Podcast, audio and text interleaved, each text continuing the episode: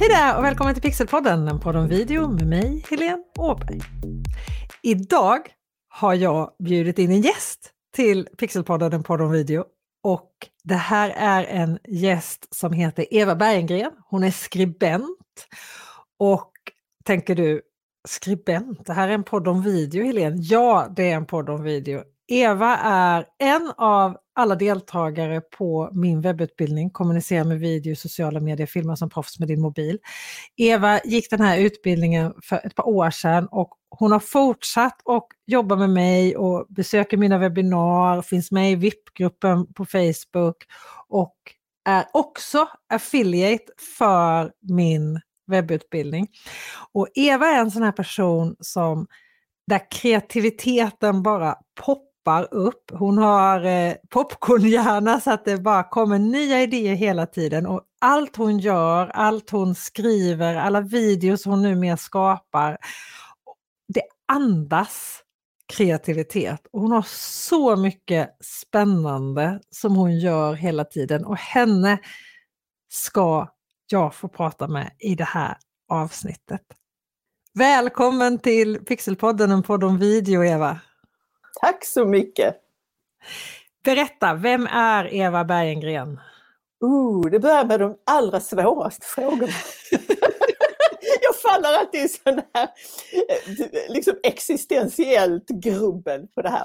Nej, jag är, jag, jag har, under flera år har jag presenterat mig som ett återvinningsprojekt.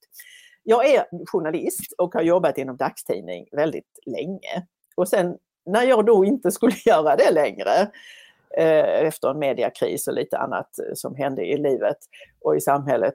Så, så tänkte jag, vad ska jag göra nu? Ja, men jag, har ju, jag, jag, kan ju jättemycket, jag har jättestor erfarenhet och sånt som jag är bra på. Det handlar ju om kommunikation, berätta historier, få ett budskap att nå fram. Det har jag ju nytta av liksom, som kommunikatör. Jag, nu jobbar jag inte för mediaföretag så att jag jobbar med kommunikation alltså åt andra beställare.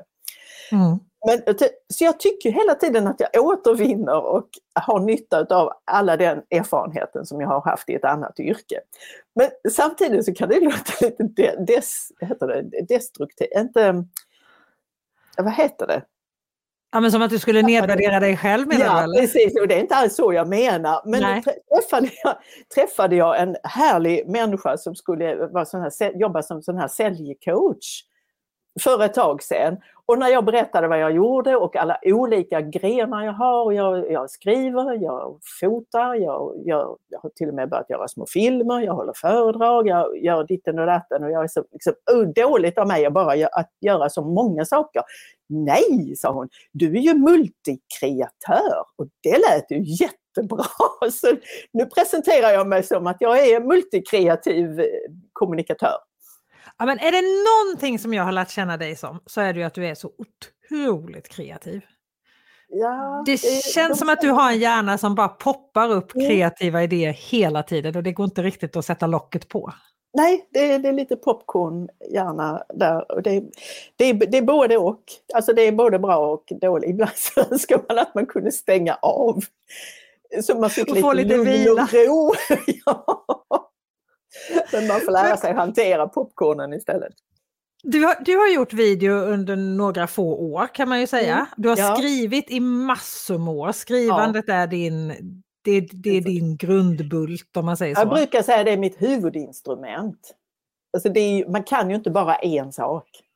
Nej. Vad är det du gillar med video? Om man nu ska ja. prata videodelen eftersom du nu ändå ja, är Pixelpodden, en podd om video. Jag, det är därför jag är här och det är därför vi känner varandra.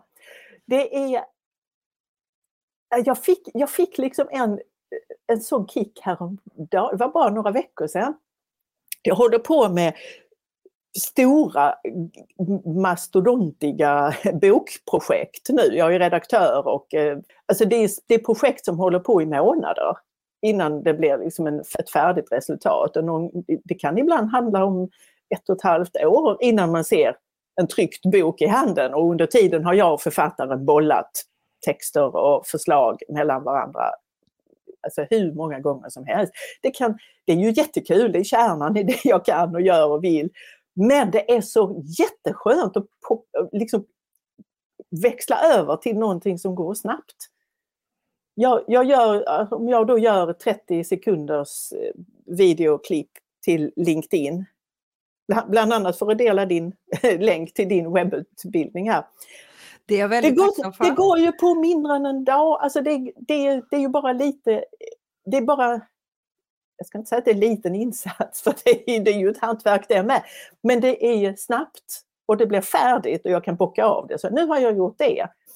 Mm. det och det är väldigt olika. Och omväxlingen gillar jag. Och då brukar ändå video vara ett sånt format som många säger det tar tid att göra video, det är mm. långs, mm. liksom, processen är långsam och sådär. Så det är så härligt att höra den andra sidan, att det går så fort att göra video. Det är så härligt Ja, det beror på. Det. Jag har säkert gjort video på, jag, jag har gjort många videogrejer som har tagit väldigt lång tid. Men när, man, när jag ska göra någonting som bara är jag behöver lägga ut den här annonsen imorgon, då gör jag det på det enkla sättet som jag har lärt mig sedan innan det är, det är ju det som är så roligt när man börjar lära sig någonting, att man kan göra det på det krångliga, utvecklande, utbildande sättet. Eller så kan man ta den där snabba vägen som funkar förra gången, så då tar jag fram det receptet igen. Man vet var man kan runda hörnen brukar jag säga, mm. att man, man mm. lär sig var man inte behöver gå hela vägen för att det ger ändå inte så mycket extra resultat. Mm. Precis, precis. Men hur använder du video idag? Idag, ja, jag, jag började ju lära mig video för jag var tvungen. Jag tänkte, ska jag jobba som kommunika frilansande kommunikatör så ska jag ha det på min repertoar. Eh, och då, då, var det väl kanske inte sådär, oh det här vill jag bästa möjliga, utan ja okej okay, då får jag lära mig det. Ungefär som att jag var ju tvungen att lära mig lite bokföring när jag startade firma. Det var ju inte heller mm. så. Nu finns det inga likheter i övrigt mellan video och bokföring mer än min attityd till någonting jag Kreativ måste lära bokföring mig. kanske vi ska låta hålla oss ifrån. Kreativt videoskapande, ja. Kreativ bokföring, nej det hoppar vi över.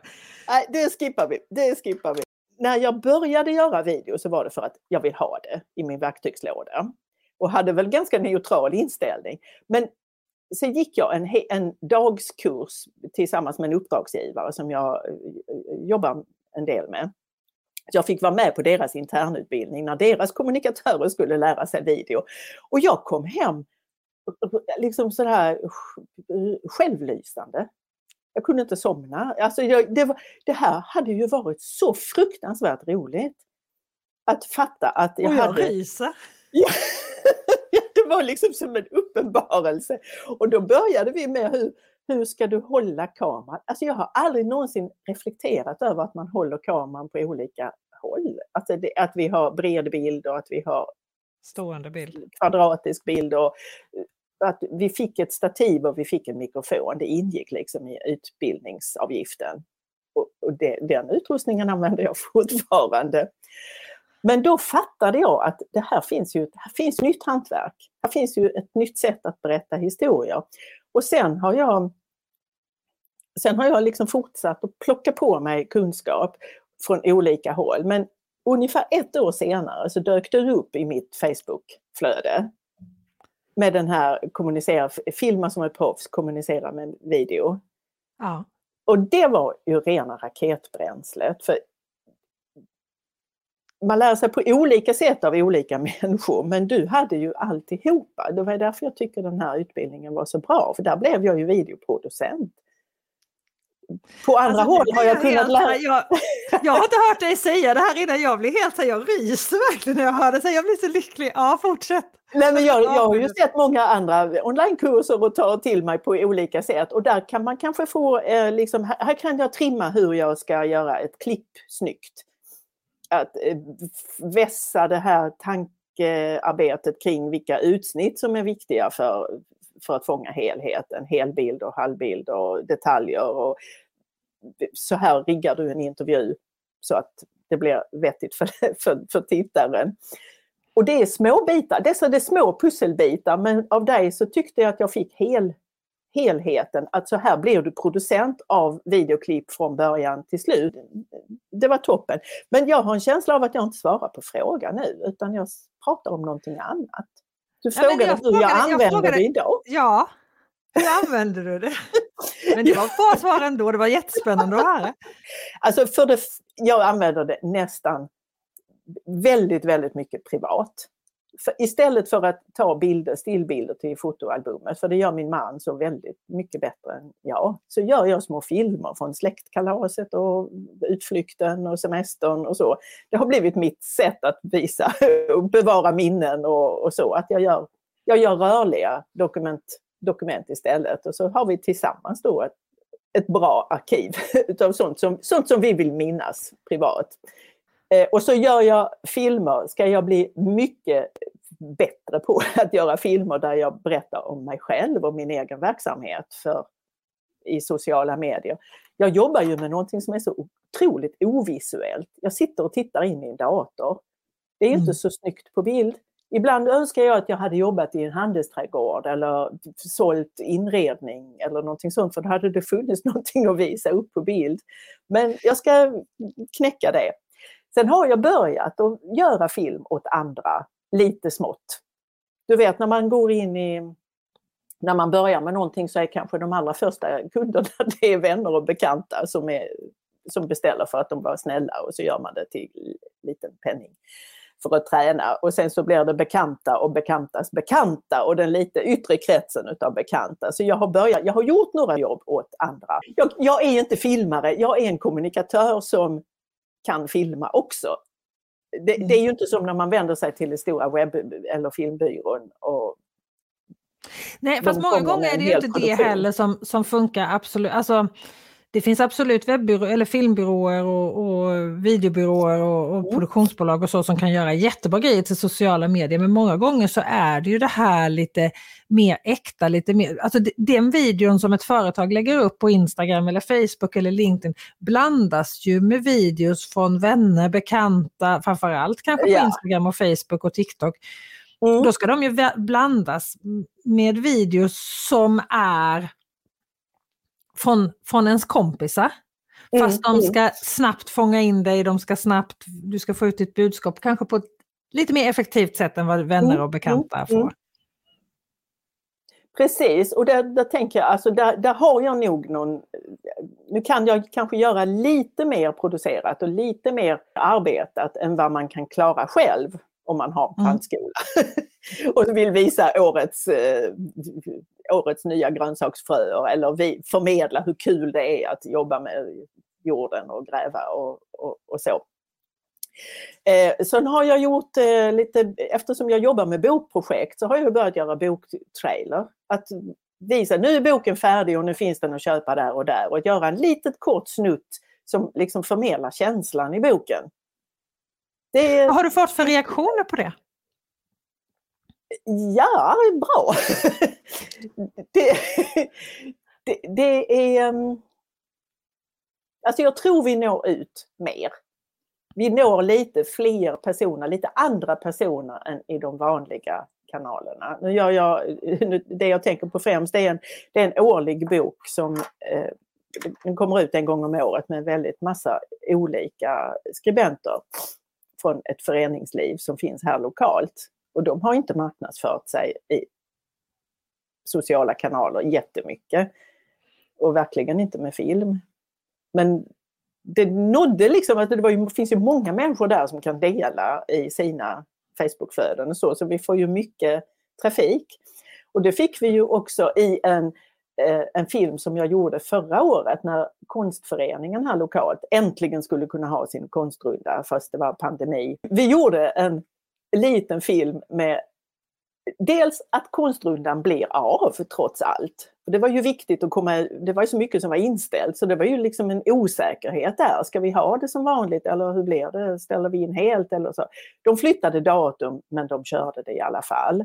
Och dels att de hade gjort om sin hemsida så att man kunde hitta kartorna i appen. Så, ja, just det. Mm. så jag och eh, konstföreningens eh, ordförande, vi gjorde, vi gjorde eh, liksom ett klipp om detta och i, i olika längd med lite olika betoning på kartappen eller på...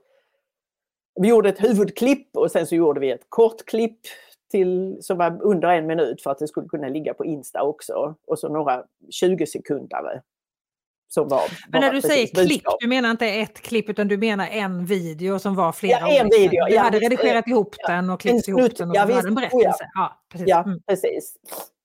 Och den fick jättestor spridning. Men det var ju just för att det var, här var det många inblandade personer. Alltså dels hela föreningen, alla de aktiva konstnärerna som ville sprida detta. Och sen har de ju vänner och bekanta och familjer och sina nätverk runt omkring. Och just på Facebook så var det många i den gruppen som var aktiva. Så vi fick ju jättebra snurr, eller ska jag ska inte säga vi, för det var ju föreningen som skötte eh, det strategiska kring detta. Jag tror de gjorde lite annonsering också men vi fick väldigt bra organisk eh, spridning. Och det var ett budskap som var så välkommet just då. Det är ju också så här, till vem, varför just nu Absolut. och eh, vad är det jag vill få ut av den här? Hur gick det då? Var det många som kom på själva sen då? Ja, Ja. Det, var, det, var, det var många som åkte runt och det var, alltså vi har stort konstliv i Halland och det är det den här konstrundan, den är liksom en rullande institution. Eh, men de hade ju jobbat jättebra med att göra det pandemisäkert och att, man bara tar in i, en liten ateljé så kan man inte ha mer än två besökare samtidigt. Nej. Men det var, de, de, de fick bra med besökare fast det var så som det var. Jag har ju sett den här, jag har ju sett eh, den här videon eh, som du postade för Konstliv Halland på Facebook, Mm, eller mm, du mm. postade men som du gjorde åt Konstliv Halland på Facebook. Och den har ju fått enorm spridning. Alltså vi pratar ju om en sida som åtminstone då hade knappt Några 2000 tusen, följare ja. och den har ju haft, alltså vi pratar ju 60-70 000 visningar så att det är ju Mm. jättemycket visningar som Mm, den här mm. videon. Den fick ju otrolig spridning. Mm. Ja, det var, jätte, det var jätteroligt. Och där, där, där, där var det så kul att kunna hjälpa till med någonting som man råkar kunna. Det är så härligt! Så här, och då kunde jag hjälpa till, det är så härligt. Ja, men Ja. Det, jo, det är ju fantastiskt. Det är liksom, jag har gjort en insats för konsten fast jag inte är konstnär själv. Du har sagt någon gång innan att du tycker att det är otroligt att just du har blivit fascinerad av video. Det vet jag att du har skrivit i vår VIP-grupp på Facebook Mm. Ja, som vi har ja. för alla kursdeltagare. Ja. Och jag vet att du har sagt, vad är det som du tycker är så otroligt att just du har blivit eh, fascinerad av det här? Berätta. ja, det har nog med självbild att göra. Alltså, jag är verkligen inte en sån här early adapter när det gäller teknik. Jag, jag har en sån här, jag, jag tycker liksom, ja, nu har jag fattat grejen med e-post. Nu kan vi väl stanna där. Nej, men man, jag köper inte grunkor med sladd. Jag tycker inte att det är roligt med nya saker som ska ha siffror på sig och som man ska ställa in och oh, kolla ny app. Ja, varför då? Alltså jag, har, jag triggas inte av det. Jag tycker inte att det finns någon lust i teknik saker. Eh, och vi hade ju inom redaktionsvärlden ibland satsningar på nu ska alla göra video eller nu ska vi, ha, nu ska vi utbilda oss i att göra ljud också. Jag, jag ville jobba med papper och penna. Ja, elektrisk skrivmaskin kanske. Nej men, men det är inte det som är grejen för mig. Och jag har alltid sett det här med film och etermedia som väldigt tekniktungt. Att där är, jag mer in, där är jag mer inställd på mikrofonen och sladden och siffrorna och prom- promptern och det än på frågorna och människan jag har framför mig. Jag, jag har inte känt att det, det var riktigt min bana. Jag vill ha så lite teknik som möjligt. Men när jag då fattade att det var, det är inte tekniken som är grejen, utan det är berättelsen. Och då var det sådär, då landade det så här, ja just det, ja men och då så, ja men då kan jag ju. Men det är på allvar så att folk säger, har du gjort detta? För jag är liksom inte känd som teknikmänniskan. Jag har min iPhone här, den är en sån här SE-modell. Det är inte så att jag har skuttat iväg och köpt den senaste supermodellen. Med, det är bara en kamera på baksidan. Men man klarar ju sig, alltså det handlar ju så li- otroligt lite om vad det är för Ja. utrustning och teknik man använder. Det handlar ju bara om hur Ja. man använder den egentligen. Precis. Men vad Men- tänker du om din teknikskräck? Om man kan kalla det så. Det låter ju nästan som att det är lite teknikskräck. Ja. Vad tänker du om den nu när det kommer just till video? Var det svårt liksom att komma över den när du väl började? Ja, det finns alltid trösklar. Och det Mm. är liksom för varje pryl jag skaffar så är det mycket palaver och mycket inre di di dialog och tankar. om, Är det här verkligen nödvändigt? Och kan jag inte klara det på något mer analogt sätt eller så. När jag skaffade lampor, eh, sådana här dagsljuslampor för att kunna spela in inomhus under vinterhalvåret. Mm. Dagsljuset är ju absolut bäst men vi har inte så mycket dagsljus under, under vintern. Och det var ett projekt jag skulle göra åt en firma där jag skulle intervjua en massa människor inomhus. Då måste jag skaffa dagsljuslampor men det var liksom hjärtat i halsgropen nästan när jag monterade upp de här stativen första gången. Åh, hur ska lilla jag klara av detta? Hur gick det då? Det gick jättebra. Och nu riggar jag ju min ljusutrustning utan att ha hjärtat i halsgropen. Jag har ing... Det går ju jättebra. Mm. Men du, du har ju gått min webbutbildning, kommunicera med video och sociala medier. Kan du inte berätta lite om ditt process för lärande i allmänhet? Liksom, både när det kommer Mm. till video och, och lära sig i allmänhet. Liksom. Ja, hur vi lär oss, vilket fascinerande ämne det är. Och när jag lär mig någonting så försöker jag vara, alltså bevara det där nybörjarstadiet när hela världen ligger fram. Jag har en hel värld att ta, ta mig in i och det finns så mycket kvar. Det är, Ja, det är helt ju- fantastiskt. Jag, brukar, jag brukar känna så här ibland att ju mer jag lär mig desto mer vet jag att jag inte kan. Ja, Så man vill ju behålla den där första känslan av att ja, Och För, för det första steget när man lär sig är ju oftast ganska stort. Mm, I början liksom, då Mm. blir det ju också ett väldigt, det blir oftast väldigt stor förbättring snabbt Mm. i det man skapar eller det man Mm, gör. mm, mm. Och sen kommer man till en platå där man inser, och det är så mycket som jag inte kan. Mm. Och då ska man ju liksom upp en bit till och det är där tror jag som många hoppar av. Som Ja. många liksom känner att Nej, men nu har jag ju lärt mig så himla mycket, varför kommer jag inte hela vägen? Liksom? Och det är det liksom, alla vill kunna men ingen vill Mm. lära sig. Om man inte har, liksom, kommer in i nästa steg, att man upptäcker att själva lärandet är roligt, utvecklande, leder vidare. Och det, det, det är ju sånt som har med kreativitet och utveckling och personligt växande att göra överhuvudtaget. Det är lite intrasslat i varandra, de här begreppen jag försöker bemästra det där sega. När, alltså, Mm. man läser, den, första, den första filmen jag gjorde, den var jättetråkig. Det var sex minuter om hur jag bakar semlor. Eh, Så världshistoriens tråkigaste filmsnutt blev det. det. Ni ska vara väldigt tacksamma att jag inte la ut den på sociala medier. Jag lärde mig otroligt mycket, jag hade så roligt. Jag kan fortfarande liksom känna den här liksom ruset av när jag upptäcker att oh, så kan jag ta en närbild på degen därifrån. Och så kan jag ta en, en, en, bild över hela köket och sen så... Det, ja, det, det var... Och så berättar det här någonting. Och så, Du ja. berättar någonting och så visar jag hela receptet i slutet som världens långsammaste textgrafik. Som, liksom. Det Ingen, är så härligt! man missar inte ett enda mjölkorn i den här semmelprojektet. Men i alla fall, när man, när man gör det där första steget som är kanske inte, resultatet blir kanske inte sådär strålande men det är det man känner själv att nu har jag kommit upp på det första trappsteget. Mm. Och så kanske några sådana till. Och så är det det där sega, som du säger, platå. Och det, så kan det ju vara och så kan det ju kännas. Då brukar jag bemästra den där sega känslan genom att dela upp det i små projekt. Alltså ta så små bitar som det går. Att göra något, en liten uppgift till mig själv som är så liten att jag, jag klarar den på en dag.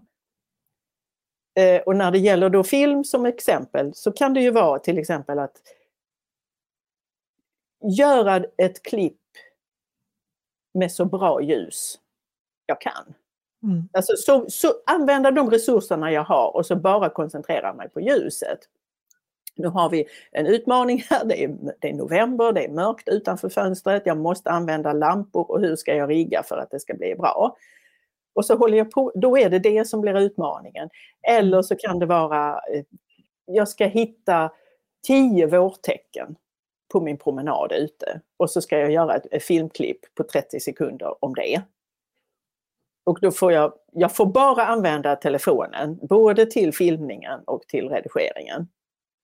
Jag tror att den där sega känslan när man håller på när man har lärt sig det första och nybörjarruset börjar avta, att faran där är att man ser hela universum.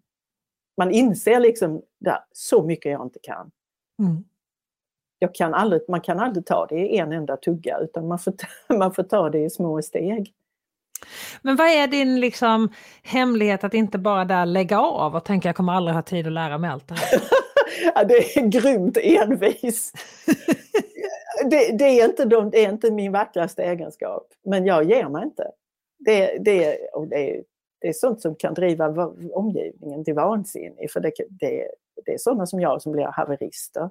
Men, men jag, jag, brukar säga att, jag brukar säga att envisheten är min bästa och min sämsta egenskap. Ja, oj vad jag känner igen det. det mm. där, precis, jag har så mycket nytta av det men det är inte kul för mig och det är inte kul för omgivningen heller när man håller på att gneta och ställa samma fråga och prova en gång till och ligger sömnlös på natten för att hur ska jag lösa detta? Men det är, det är någon liten jävel som sitter inuti och fortsätter dra i de där trådarna tills de har lossnat.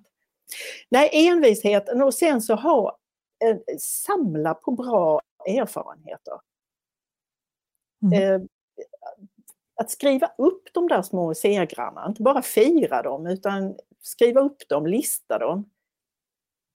Um, Gör du det med alla dina små segrar, att du skriver upp dem? Inte alla, men de stora, eller de, stora, de som betyder något. Mm. Gick i, jag har en lista som jag följer, som jag för upp saker. Gick i land med det här eller gjorde kursen färdig. Tog certifikatet på den och den utbildningen eller klarade av det här. Ja men det är ju så härligt. Du har ju, ja, det... du har ju till och med valt att, att bli affiliate för, för min ja. webbutbildning. Hur, hur liksom, varför, varför, har du valt att bli det? Men hur tänker, du, hur tänker du kring det? För att det finns ju massa olika utbildningar mm. man kan vara affiliate för. Ja, det finns det. Och jag skulle ju aldrig vara återförsäljare för någonting som jag inte själv har testat och verkligen gillat. Det, det, det är ju liksom det första. Sen babblar jag ju på om det här i alla fall. Jag ja, det gjorde du faktiskt. Du var ju faktiskt en av mina bästa affiliate redan innan du blev affiliate måste jag säga. En riktig ambassadör för, för den här utbildningen. Det är, ja, jag, det jag blev nästan så lite frikyrkopredikant när jag hittar någonting som är kul och bra. Och, så, och det här måste ni testa! Så det här, och det, så är det med böcker jag läser som jag tycker om eller med filmer som jag eh, har gripit mig eller någon ny insikt som jag har fått om livet som andra människor kanske tycker att ja, det där var väl kanske inte så. Men jag kan ju inte låta bli. Eh, eh, så det var en ganska naturlig fortsättning när du då frågade om jag ville göra det på ett mer systematiskt sätt. Så, ja, och då får jag också anledning att göra små korta inlägg och filmer om just den här utbildningen. Och det är så mycket lättare och smidigare att göra det om någon annan än sig själv. Ja, visst är det. Alltså, vi är ju dåliga på fram... Ja, ja, ja. ja. Oh, jag har inga problem att, att göra video om andra. Jag tyckte, ja. tyckte länge, länge, länge att det var jättesvårt mm, mm, mm. att göra video om mig själv eller mina egna utbildningar. Mm. Jag tyckte det var... Jag hade ju gjort det åt kunder förut. Mm. Men att göra det åt mig själv och ställa mig själv framför kameran. Jag hade ju stått och filmat andra och regisserat andra eller suttit i mm. kontrollrummet på tv och hjälpt programledare, haft kurser för programledare och folk som skulle vara framför tvn. Men att sen stå där själv. Mm. Alltså det var så jobbigt, jag tyckte det var så hemskt att vara där framför. Och sen när man har gjort det, för det handlar ju väldigt mycket om att ja men den som tycker det är konstigt att se, se mig, det är ju jag. Det är ingen Mm, annan som tycker det. Alltså de andra tycker, har ju oftast vana att se mig, alltså de jag träffar dagligen, de är ju vana att se och höra mig. Mm. För plötsligt så tyckte jag ju att det gick inte ens att förstå min småländska när jag hörde mig Mm. själv. Mm, Och nu mm. har jag en egen podd och jag har massa videos och Youtube-kanal och webbutbildning. Och sen kan jag ju erkänna att när jag har spelat in sådär en eh, 50 videos i webbutbildningen om jag som jag gjorde för något år sedan där jag tog ett jättegrepp och inte bara uppdaterade några videos efterhand utan Mm, uppdaterade mm. hela utbildningen. Mm. När jag hade suttit och redigerat 50-60 videos med mig själv, lektion, lektionsvideos där jag ser mig själv och inte bara mig själv hela tiden tack och lov, men jag är ändå med i stort sett varenda video. Antingen hörs jag eller syns jag, Mm. eller både och. Man blir rätt trött på sig själv. Alltså. Det var knappt det. att jag kunde gå Mm. förbi spegeln till slut. Jag var så här, nej, nej. jag kan inte se. Men hur, hur liksom tänker du om det här att vara framför kameran? Eh, ja, det, är, det, det känns ju konstigt och stelt i början. Men det är inte min stora hang-up. Jag, jag gör det för att jobbet kräver det. Sen tycker jag kanske ibland att jag ser många videor på sociala medier, inte minst på LinkedIn, som är väldigt mycket gubbe tittar in i kameran och pratar om sig själv. Och någonting, ämne, där jag lika gärna hade kunnat läsa den informationen i en text. Jag Mm. tycker inte att jag själv framför kameran är det bästa jag kan förmedla. Det ska vara, jag ska vara med, eller så, man ska liksom se speaker, den som pratar. Men jag vill ju ge mycket hellre använda kameran och filmen till att visa ämnet, ärendet. Visa det du berättar. Det är då, och det är då video har som absolut störst genomslagskraft.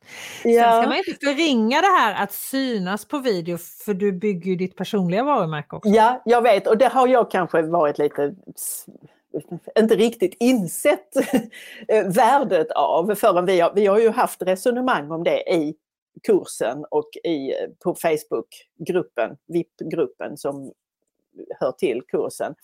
Och det är nog så också. Jag har ju fått ge mig där. Det, det, Okej, jag har ett utseende också och eh, tyvärr har jag också en dialekt. Eller tyvärr, men den, den Nej, det ska man inte. Jag tror, jag tror faktiskt snarare tvärtom, att man ska vara lite nöjd att man har den där dialekten för att det blir också en sak till Det är en, person, det är en som del kopplar ihop en. Ja, precis. Mm. Den kommer, man in, den kommer man inte ifrån. Men jag tycker inte att det är så otäckt att stå framför kameran. Däremot så har jag otroligt svårt för att lära mig saker utan till. Mm. Det, det, jag, vet- jag vet inte varför. Det är för att jag har jobbat med texter och läsande och skrivande så länge så att jag kan knappt säga mitt namn utan att titta i pappret. Det, Hur, löser du det, hur löser du det när du är framför kameran då? jag tränar. Mm. Jag, ska, jag, ska jag spela in någonting där jag pratar eh, och, liksom där man inte lägger in bilder under tiden som speakern går. Så får jag gå ut, och, jag får gå ut i skogen här och gå mina promenader med pappret och så får jag träna mening för mening för mening eh, så att jag verkligen kan det. Som eh, när man, som när man lärde sig sångtexter utan till eller psalmverser när man var barn eller så. Det, det finns inget annat sätt. För jag, jag tänker inte skaffa någon prompter eller någon maskin som hjälper med det. det då, då hamnar jag i prylträsket och dit vill jag inte utan det ska vara, det ska vara enkelt på det sättet. Det här låter ju inte speciellt enkelt alls. Men ja, Ja, lära utantill. Ja, och det är ju någonting man kan ju öva på det när man står och diskar, man kan öva på det när Ja. man går till bussen, man kan öva på det när man, alltså det spelar ingen man kan ju öva på det på alla möjliga Mm. olika ställen liksom, Mm. så då kan man ju få in det i sin, Mm. i, i, i sitt andra, alla, alla de andra sakerna man gör när man dammsuger eller vad det, Mm. vad det än är. Liksom. Mm. Men Mm. du är, du är ju en skrivande person och du är ju, Mm. jag tror att alla har förstått att du är otroligt kreativ som person. Ja, du de brukar gör säga det. Ja. väldigt mycket. Vad tycker du är den största skillnaden att berätta med bild och ljud mot att berätta Mm. med skriven text? mindre än vad man kan tro. När jag jobbar med skriven text så är ett utav de stora eh, liksom såna frågorna som man hela tiden får knåda med, det är det här att visualisera, att, att gestalta. Det finns ett talesätt, eh, liksom, show, don't tell. Mm. Alltså visa istället för att berätta. Och det använder man ju när man skriver berättande texter också, både i reportage och inte minst i skönlitteratur. Det är, det är när, du, när du gestaltar scenen som texten kommer in, alltså som skeendet kommer in i läsaren. Och det är ju samma sak man gör på film. Om jag, står, jag ska ju inte stå och berätta framför kameran om att idag är det en härlig vårdag och småfåglarna kvittrar och här kommer den sällsynta snäppstaren flygande från Afrika och flyttar tillbaka till Sverige. Jag ska ju visa det. Jag ska ju mm. visa bilder som handlar om ljuset som silar genom träden och de fåglarna i både närbild och, och uts, ut, ut, ja. Så det är lite samma sak. Men sen kan jag ju inte jag använda språket på det sättet som jag gör när jag skriver utan det, det är, jag får tänka i bilder. Och det är bara träning. Men jag skriver ju väldigt detaljerade manus. Tycker du att ditt skrivande har påverkats av att du har börjat jobba med video? Jag har inte tänkt det. Jag har inte tänkt det aktivt men det kan nog vara så. Att jag har lättare för att se scener. Mm. Alltså det ligger närmare till hands när man eh, jobbar med en romantext tillsammans med en författare. Att tillsammans visualisera scenen. Vad är det nu som händer? Hur ser personen ut när hen kommer in i rummet? Hur, liksom, ge någon detalj av möblemanget. Mm. Så att vi förstår vad det är för slags rum de befinner sig i. Det jag tror att, att det är nog omöjligt att jobba med detta eh, utan att det korsbefruktar. Nej. Utan att Nej, men det ligger ju nära för det handlar ju om liksom det idéer som ska komma fram och det är mm. liksom en berättelse och det spelar ingen roll om det är en text eller det är ett inlägg på sociala medier eller en hel roman. Det är ju mm. berättelserna vi vill komma åt.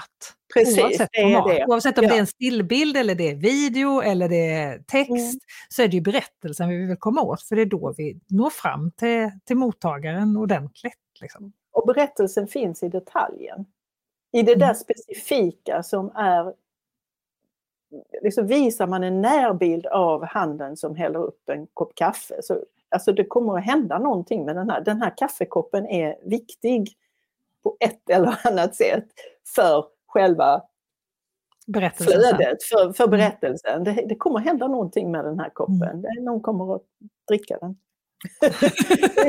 dricka ur den, den kommer vältas ut eller den kommer, någon kommer smälla den i väggen. Eh, och det är ju likadant i text och i det man visar på film. Då är de här små korta filmsnuttarna inte litteratur eller liksom konst på det sättet. Men det finns ju en precis som det finns i text så finns det en grammatik, det finns en struktur som är likadan oavsett om jag skriver en reklamtext för skor eller om jag skriver i en, en roman. Att orden sitter ihop på ett visst sätt och därför hamnar de på ett visst sätt hos läsaren. Mm. På samma sätt är det ju med bild. Alltså film, film är det, det finns, det finns ju ett bildberättande språk som är en av de här riktigt, riktigt härligt roliga sakerna som man lär sig när man börjar jobba med video. Ja, det, Kontrasten mellan närbild och... Alltså du har ju den i kvilibristiken som har jobbat med det så länge och jag är precis i början av att lära mig. Och det är, du kan ju ana hur kul jag har. Alltså det är Bild, jag, jag, kommer faktiskt ihåg första gången jag förstod bildkomposition. Jag hade en lärare, ja, ja. Alltså nu pratar vi 90-tal.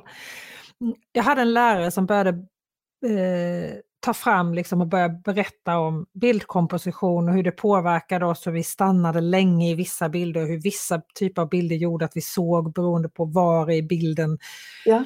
var i bilden olika saker fanns och såg vi som tittare dem eller om mm. de var röda eller vita eller blå och hur det påverkade oss. Och jag var helt, alltså jag var helt, det var som att hela, jag kommer verkligen ihåg mm. så att, mm, mm. hur jag gick ut på stan, jag pluggade i Gävle då, hur jag gick ut på stan i Gävle och bara såg omvärlden på ett helt nytt sätt. Det var, så här, det var som en uppenbarelse för mig. Jag var så här, Ja. "Ah!" Och den fascinationen, jag kan inte, den sitter faktiskt fortfarande kvar och det här var ju 93 kanske?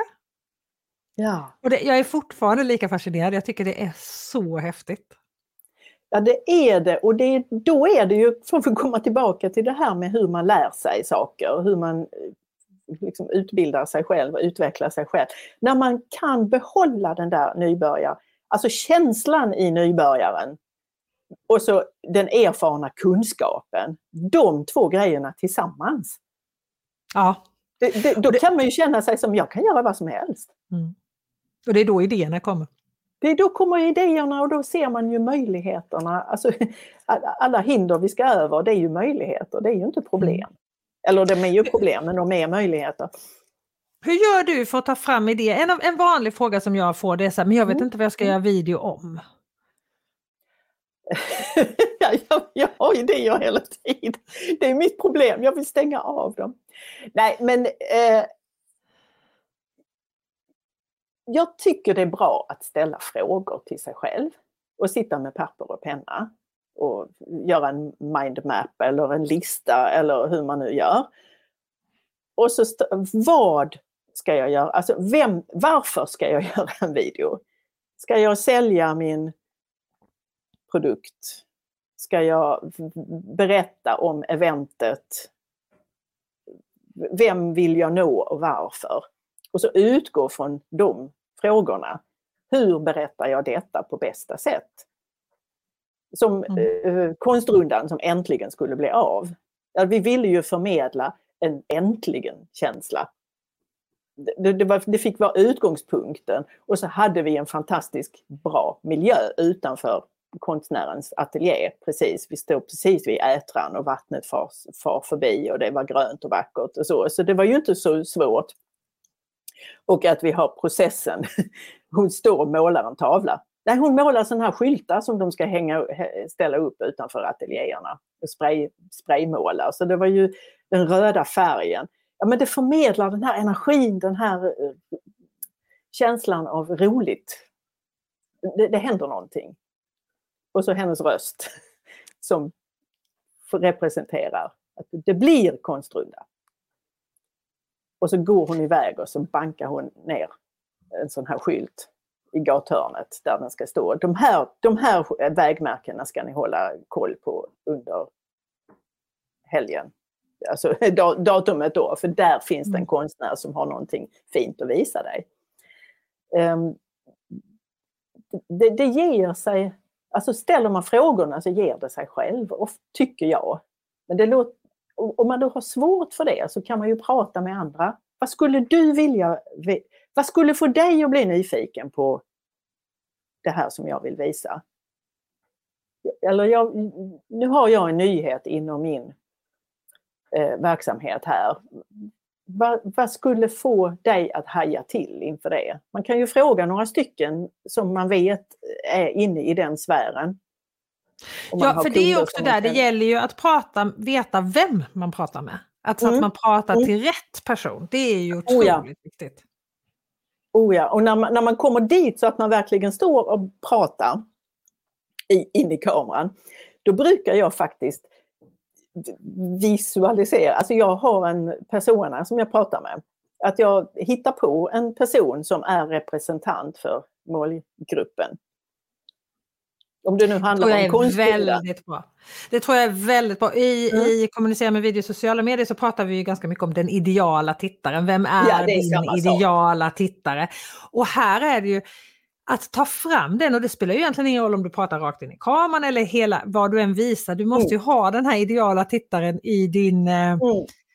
Framför ögonen hela tiden när du skapar filmen så du vet vem det är som du berättar. För det gör ju också vad du väljer ut att berätta, hur du berättar det, med vilka ord du berättar, vilket, vad du väljer för bilder, vilket klipptempo du har, vilken musik du har. Allt påverkas ju av vem det Oh är ja. du ska berätta det för. vilka exempel man använder i sina, alltså i sina texter och, vilk, ja, och ordvalet och vilka begrepp man väljer att Mm. betona.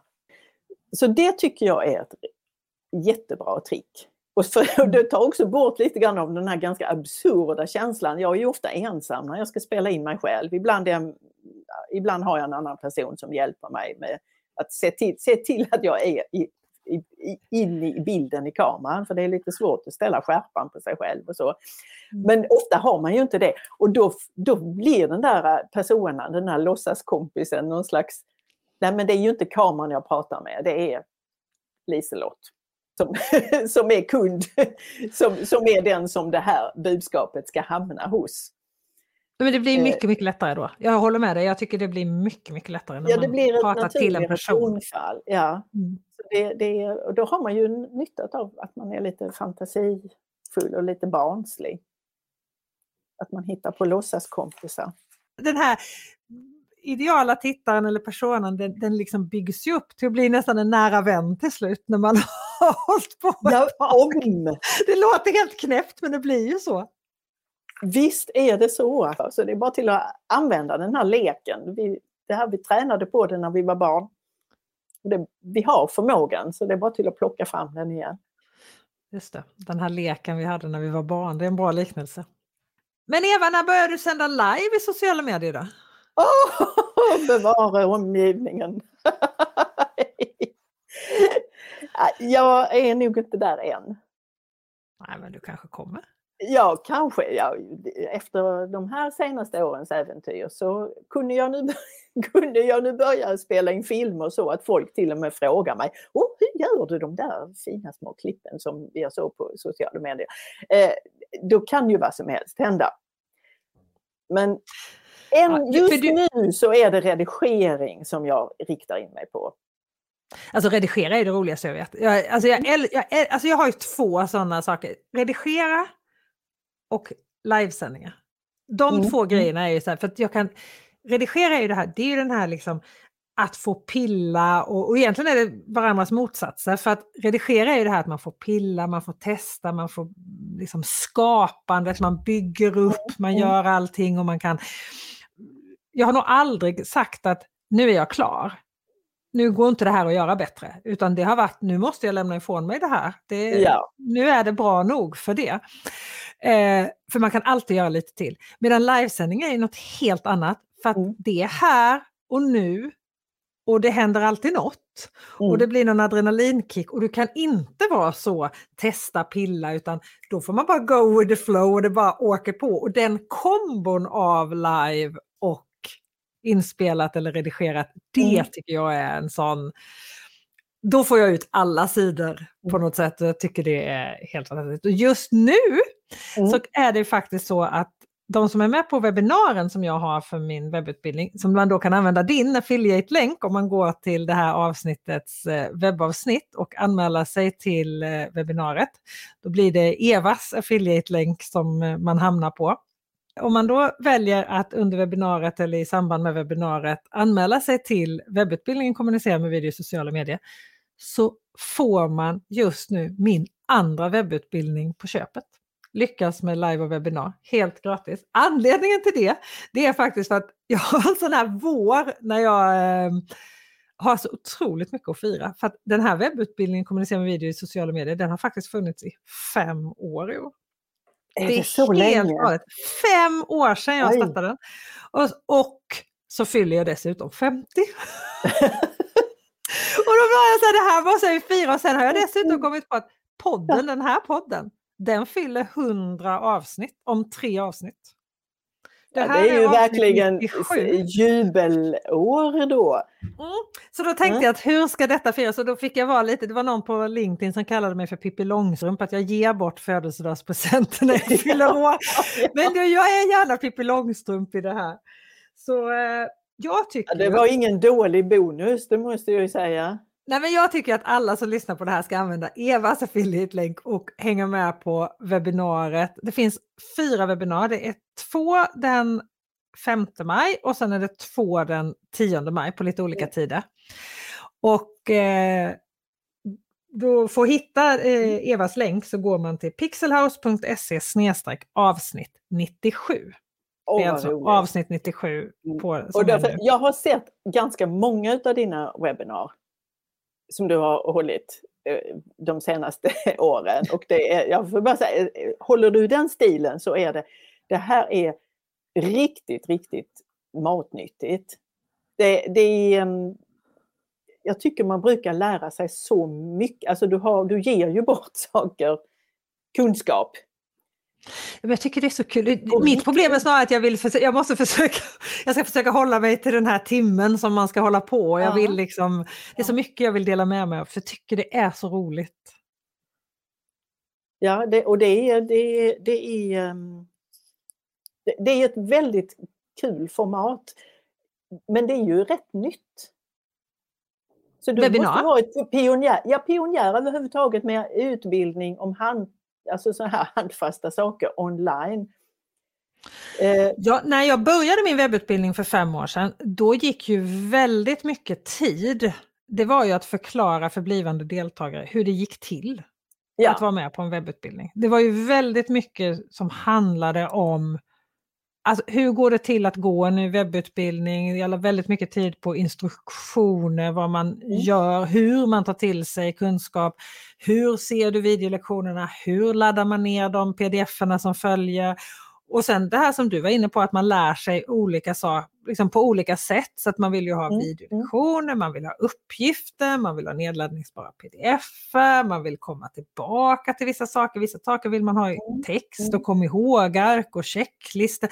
Och allt det där skulle liksom komma med. Och jag kan nog säga att jag har ju lärt mig väldigt mycket under den här resans gång. Så jag kan ju säga att utbildningen så som den ser ut idag mot hur den gjorde för fem år sedan så är den ju en bättre utbildning idag. Det måste jag säga. Mm.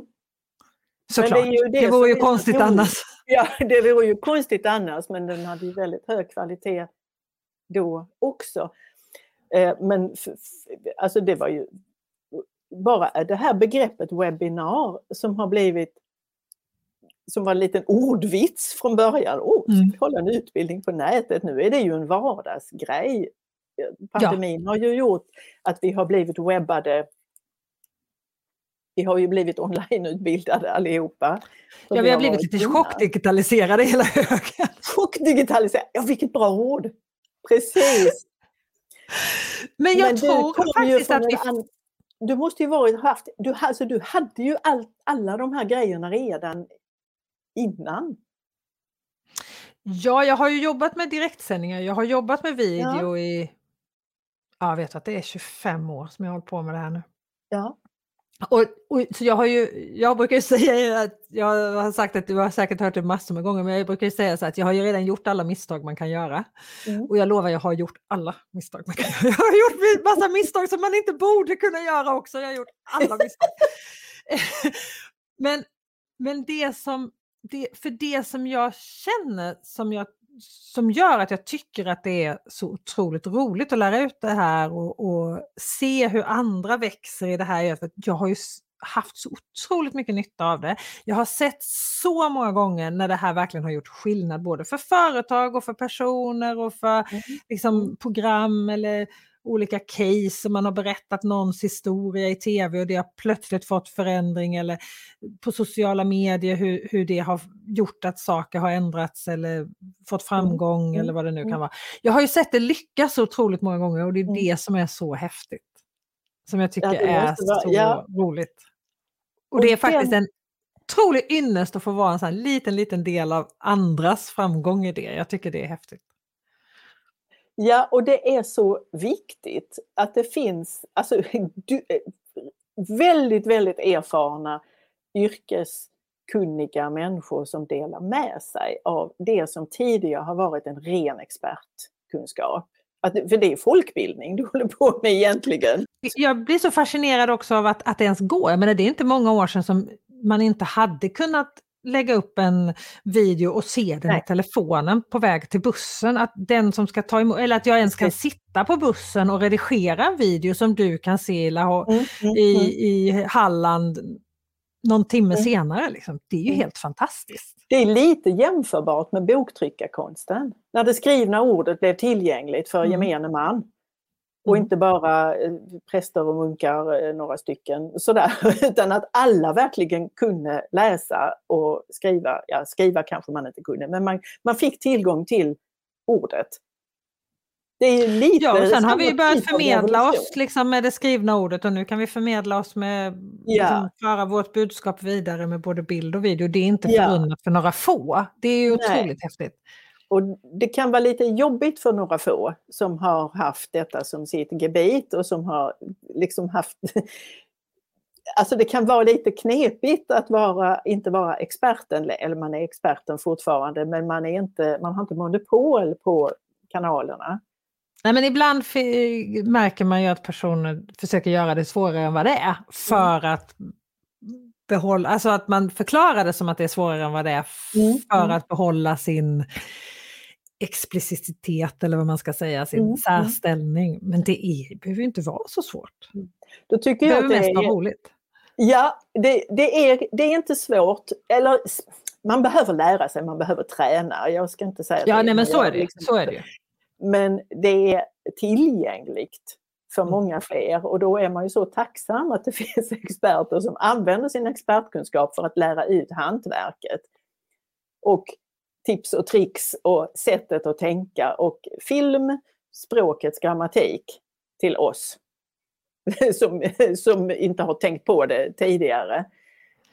Men jag blir så ju- inspirerad när jag ser dig göra dina filmer för du har ju liksom hållit på i en helt annan, en helt annan ehm, del av kommunikationen tidigare med, med skrivna ordet. Så här. Och när du, när du gör dina videos så tänker jag alltid så här, jag kan också bli bra på det skrivna språket.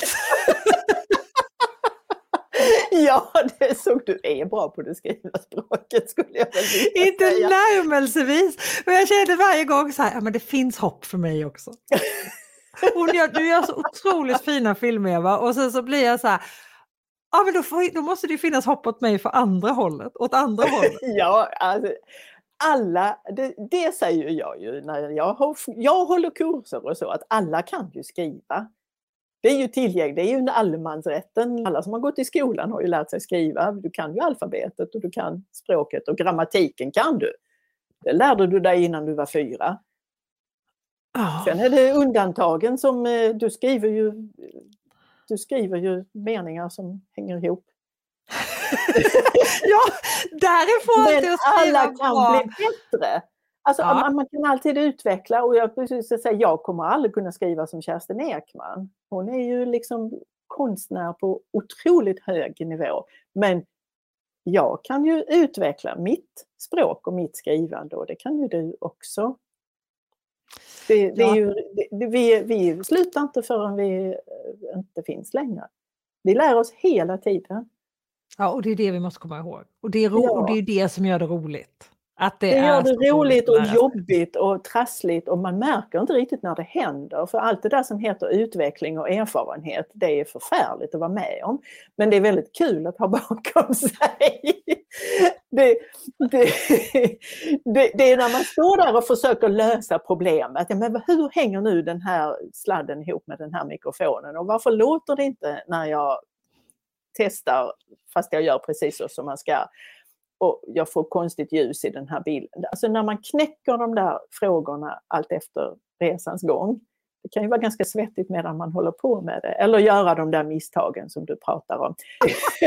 det är det första trappsteget. Du måste, du måste gå det. Man måste gå det, så är det ju. Och jag menar, tänk alla barn, de hade ju aldrig börjat gå om man Ja. skulle sluta så fort de misslyckades. Då hade ju ingen av oss kunnat gå. Nej, Alla har vi ju ramlat flera gånger. Liksom. Ja. Ja, Eva, tack snälla för att du ville vara med i Pixelpodden, en podd om video. Jag är Ja, så otroligt tacksam. Det är jätteroligt att prata med dig, både i, i VIP-gruppen, på utbildningsgrupp på Facebook och likadant här. Det är alltid lika kreativ och full av idéer och eh, insikter. Det är jättehärligt. Om du som lyssnar vill vara med på webbinariet så hittar du alltså länken till det här webbinariet som jag pratade om, om tips om video i sociala medier. Så hittar du eh, Evas affiliate-länk till det här webbinariet på pixelhouse.se avsnitt 97. Och med det så säger jag tack till dig Eva. Och Tack själv snälla. Helene för att jag fick vara med och babbla och bubbla om det som är allra roligast. Ja, Eva Bergengren, visst blir man alldeles lycklig när man hör henne prata. Hon är så otroligt kreativ och insiktsfull och på alla sätt en helt fantastisk person och dessutom väldigt duktig på att göra video och skriva. Om du vill vara med på webbinariet, vilket jag såklart hoppas att du vill, det går den 5 maj och den 10 maj, det finns både på dagen och på kvällen, så hittar du länken för att anmäla dig på pixelhouse.se avsnitt 97. pixelhouse.se avsnitt 97. Hoppas att vi ses på webbinariet som är fullt med tips om video i sociala medier. Och så hoppas jag förstås att du lyssnar på Pixelpodden, en podd om video, även nästa vecka. Då är Pixelpodden, en podd om video tillbaka med ett helt nytt avsnitt. Vi hörs då. Hej då!